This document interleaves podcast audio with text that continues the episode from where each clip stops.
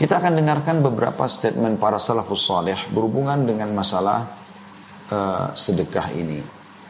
Ash-Syu'bi berkata rahimahullah, barang siapa yang tidak memperlihatkan bahwa dirinya lebih butuh kepada ganjaran sedekah daripada seorang fakir yang butuh kepada sedekah, maka dia telah membatalkan sedekahnya dan telah memukul wajahnya sendiri dengannya.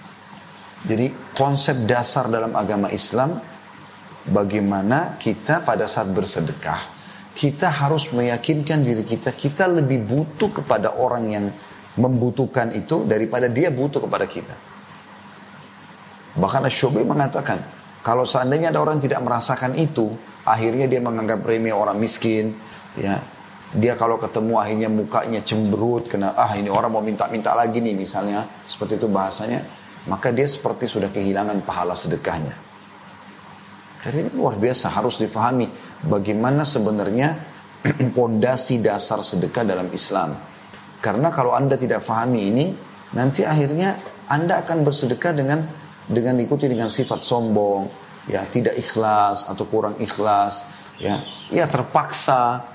Seperti misalnya saya pernah lihat ini sebelum masa pandemi mungkin ya, masa pandemi mungkin orang lebih menjaga steril, ya kesterilan. Tapi sekarang zaman dulu tuh saya lihat ada orang yang orang miskin udah minta di lampu merah. Lagi mobilnya berhenti sebentar. Orang miskin udah datang. Artinya peluang dicatatkan pahala sedekah di buku amalnya sangat terbuka. Tapi dia malah tidak buka jendela, tidak bersedekah. Padahal ada uangnya, bukan tidak ada. Kalaupun dia bersedekah, sudah dengan koin kecil, ya, kemudian dia jepit dengan kedua jarinya, dan jendela dibuka sedikit lalu dikeluarkan seakan-akan tidak mau ya atau menganggap remeh sedekah yang dia keluarkan atau orang yang menerimanya. Subhanallah. Ya. Justru saya berapa kali ingatkan ada beberapa saudara kita muslim yang sempat membantu kami membawa mobil beberapa waktu gitu kan. Hampir setiap yang bekerja saya selalu ingatkan. Karena kadang-kadang mereka lakukan itu di lampu merah ada yang minta mereka nggak buka jendela atau mereka buka jendela sedikit saja gitu kan.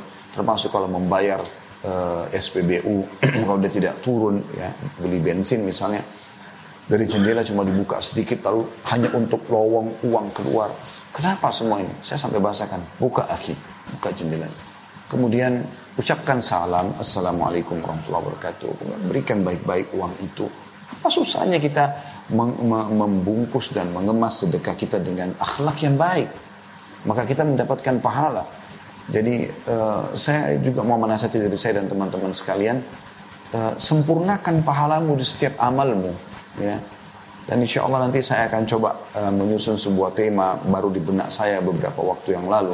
Dengan judul itu memang materinya, yaitu sempurnakanlah pahala amalmu atau sempurnakan pahala di setiap amal yang kau kerjakan. Contoh misalnya, istighfar kepada Allah Nabi SAW beristighfar sehari 100 kali, 70 sampai 100 kali. Uh, ada hadis, uh, ada ayat ayat Al-Quran yang menyebutkan salah satu ciri ya hamba-hamba Allah yang terpuji adalah mereka beristighfar di waktu ashar. Ashar itu di waktu menjelang subuh di sepertiga malam. Kenapa kita nggak sempurnakan istighfar kita dan kita fokuskan diucapkan justru di waktu-waktu seperti ini? Sehingga pahalanya tergabung. Mengucapkan istighfar seratus kali. Begitu juga kita mendapatkan keutamaan dalam ayat Al-Quran. Dipuji oleh Allah SWT mereka beristighfar di waktu itu. Saya mengingat subhanallah pernah satu waktu kami lagi mau menunggu subuh di Masjidil Haram di Mekah. Pada saat bimbing umrah beberapa waktu yang lalu. lagi sementara nunggu azan ada satu orang berjenggot sudah putih gitu.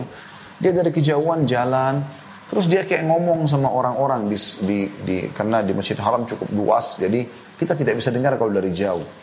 Dia kayak ngomong, terus dia kasih isyarat dengan tangan dia. Saya tidak tahu apa yang diucapkan orang ini. Begitu dia datang ke depan ya kelompok saf kami gitu, sehingga suara bisa terdengar dia mengatakan, wahai ikhwani, wahai saudara-saudaraku, ini waktu ashar. Waktu ashar maksudnya waktu yang Allah sebutkan dalam Al-Quran, waktu sahur yang biasa kita bilang, waktu menjelang uh, azan subuh. Di mana Allah suruh kita istighfar, lalu dia kasih isyarat dengan jarinya. Istighfarlah, istighfarlah. Dia keliling menunggu waktu subuh orang ini karena inginnya mendapatkan pahala, dia menasihati dan mengingatkan orang. Contoh, kan kita bisa menyempurnakan dan menyebabkan pahala lebih besar dengan itu. Sama dengan sedekah misalnya. Jadi bukan hanya sekedar mengeluarkan, tapi apa salahnya kalau kita sempurnakan pahala sedekah kita dengan memberikan uang yang terbaik. Tentu mengikhlaskan niat yang pertama, memberikan yang terbaik. Kemudian kita kemas juga itu dengan akhlak yang mulia. Akhlak yang mulia. Saya mengingat ayah saya rahimahullah yang baru meninggal kemarin. Beliau tiap hari selalu keluar untuk bersedekah dan saya sering kali ikut ya. Kadang-kadang saya mengantar beliau. Uh, dan saya melihat beliau punya satu adab yang luar biasa dalam masalah ini. Saya melihat ini secara teori agama, apa yang saya sampaikan tadi sebenarnya ada pada perbuatan beliau gitu. Jadi beliau selalu uh, memesan dari bank uang-uang baru. Uang-uang baru yang memang belum terpakai sama sekali ya. Dari baik itu uang 2000, uang 5000, uang 10000, uang 20000 ya. Uh, uang 50000 gitu kan. Kemudian beliau bawa setiap hari keliling mencari orang-orang susah, mengelilingi kota Makassar Uh, jadi uang-uang baru ini memang belum disentuh sama sekali oleh oleh orang-orang gitu ya. Memang kan dari bank masih saya lihat sendiri masih grass gitu kan. Dan beliau menggosok parfum di tangannya rahimahullah. Kemudian uh, tersentuhlah parfum itu di uang tadi. Sudah baru tersentuh uang parfum. Kemudian dikasih ke orang miskin. Saya sampai sempat ambil cuplikan di handphone saya ya.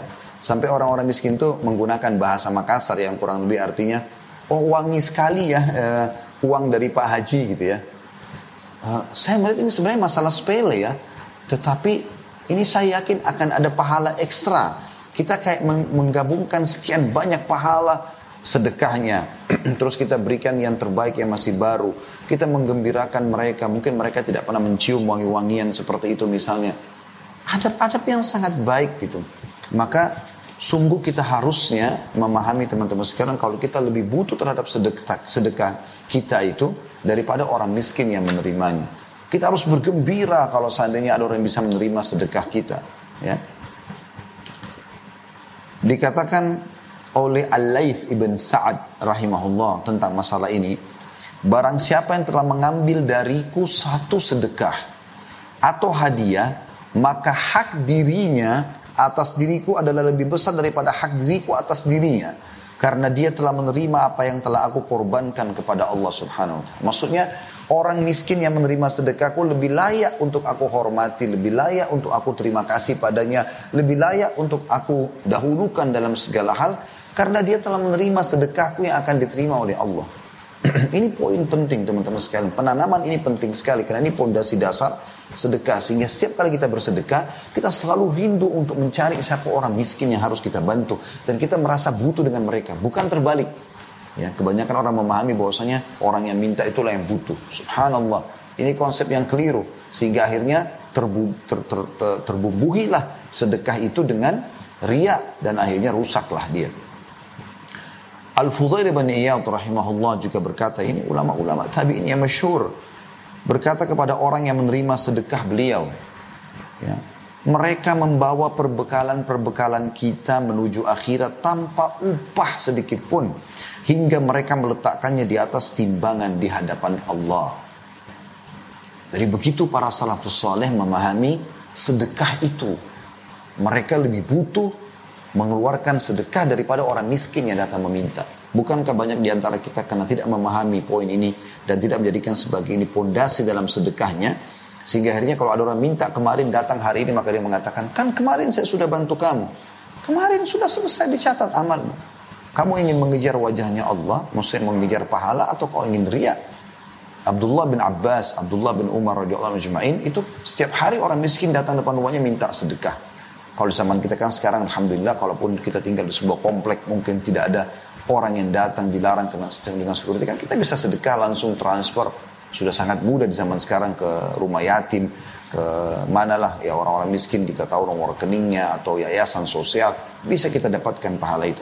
Tapi yang jelas para sahabat ridwanullahi alaihim kalau ya orang-orang miskin itu sudah tidak ditemukan depan rumah mereka di pagi hari seperti biasanya maka mereka keluar membawa sedekah mereka untuk mendatangi langsung orang-orang miskin itu Begitu mereka memahami luar biasa kebutuhan mereka terhadap sedekah. Kita yang butuh terhadap sedekah itu teman-teman. Dan bukan orang miskin itu. Nilai yang kita berikan itu akan kita terima full bahkan dilipat gandakan sampai 10 kali lipat di akhirat nanti. Nanti akan kita jelaskan di antara keutamaan sedekah insya Allah berhubungan dengan masalah itu. Sementara uang atau harta yang diterima oleh orang miskin tersebut akan habis dia beri makanan, dia beri pakaian, selesai. Tapi Anda tidak kehilangan itu. Secara teori agama Anda akan terima utuh pada hari kiamat. Umar bin Khattab berkata tentang masalah sedekah ini, Sesungguhnya amal itu saling berbangga-bangga diri. Lalu sedekah berkata, saya adalah yang paling baik di antara kalian. Jadi sedekah itu termasuk amal yang luar biasa. Ya.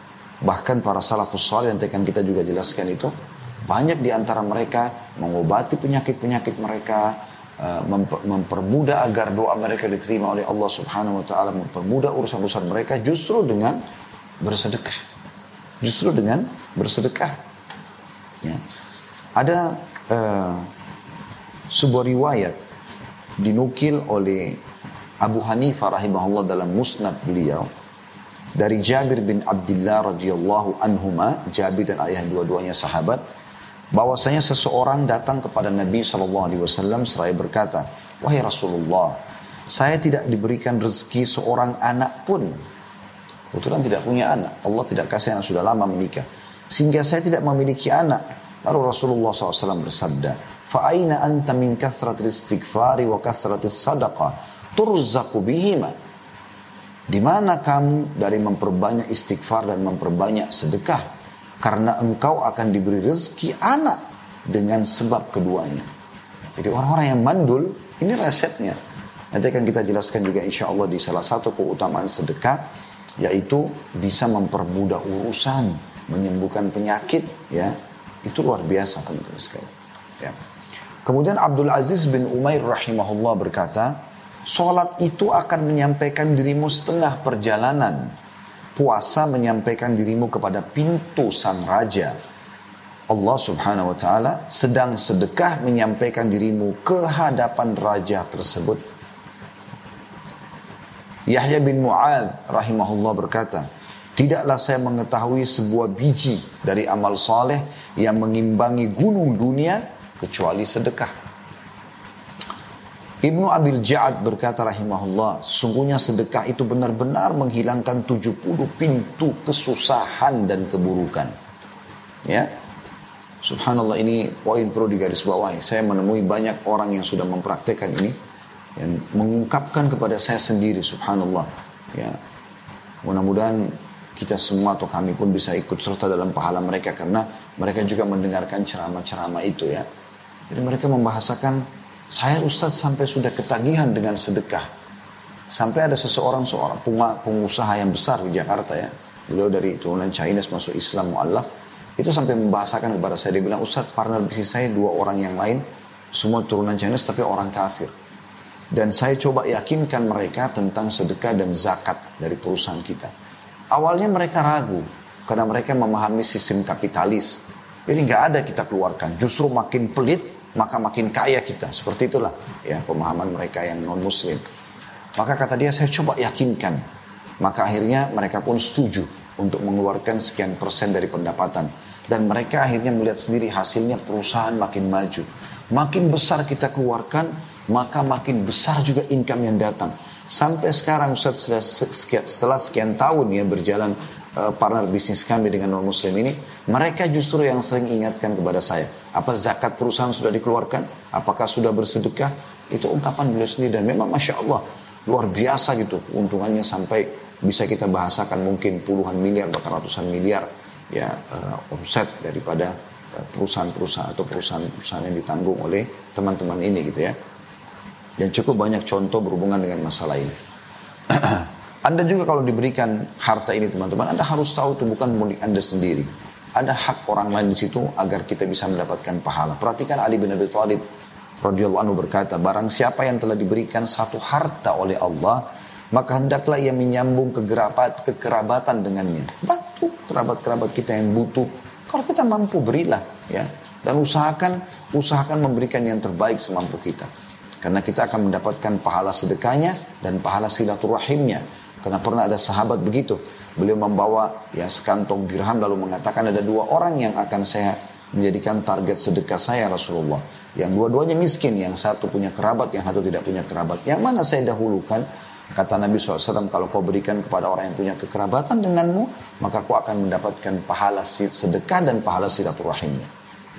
Kita kembali kepada statement Ali bin Abi Thalib beliau berkata, barang siapa yang telah diberikan satu harta oleh Allah, maka hendaklah yang menyambung kekerabatan dengannya. Kemudian memperindah jamuan untuk tamunya. Memberikan yang terbaik buat tamu. Ya.